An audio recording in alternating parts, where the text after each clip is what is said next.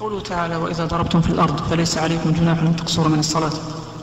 ما هو التحقيق في المراد بالقصر؟ هل هو قصر الكمية أو الكيفية يعني لا سيما السباق والسياق في صلاة الخوف. نعم. نعم. الصحيح عام. هو عام لهذا وهذا. لكن بلا خوف للكمية فقط. بلا خوف. بلا خوف. ومع الخوف للكمية والكيفية. كيف الجواب على حديث عائشة؟ أن أن صلاة أن الصلاة شرعت ركعتان آه، فأقرت صلاة آه، السفر السفر وزيد في صلاة الحضر. نعم.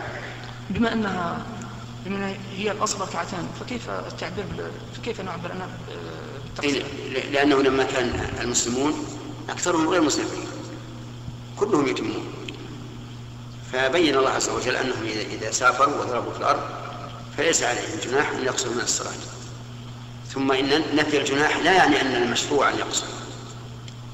كما قال تعالى في الصفا والمروة فمن حج البيت أو اعتمر فلا جناح عليه أن يطوف بهما. لأنهم كانوا يتحرجون من الطواف بهما فبين لهم أنه لا جناح عليهما عليهم بالطواف بهما ولا والطواف بهما من شعائر الله. كذلك أيضا لا جناح عليكم أن تقصروا من الصلاة لأنهم يتح- يتحرجوا من ذلك. فبين الله عز وجل أنه لا جناح. ثم عاد ينظر إلى حكمه فنجد أنه سنة لمواظبة النبي صلى الله عليه وسلم عليه. اصلح أظن أذن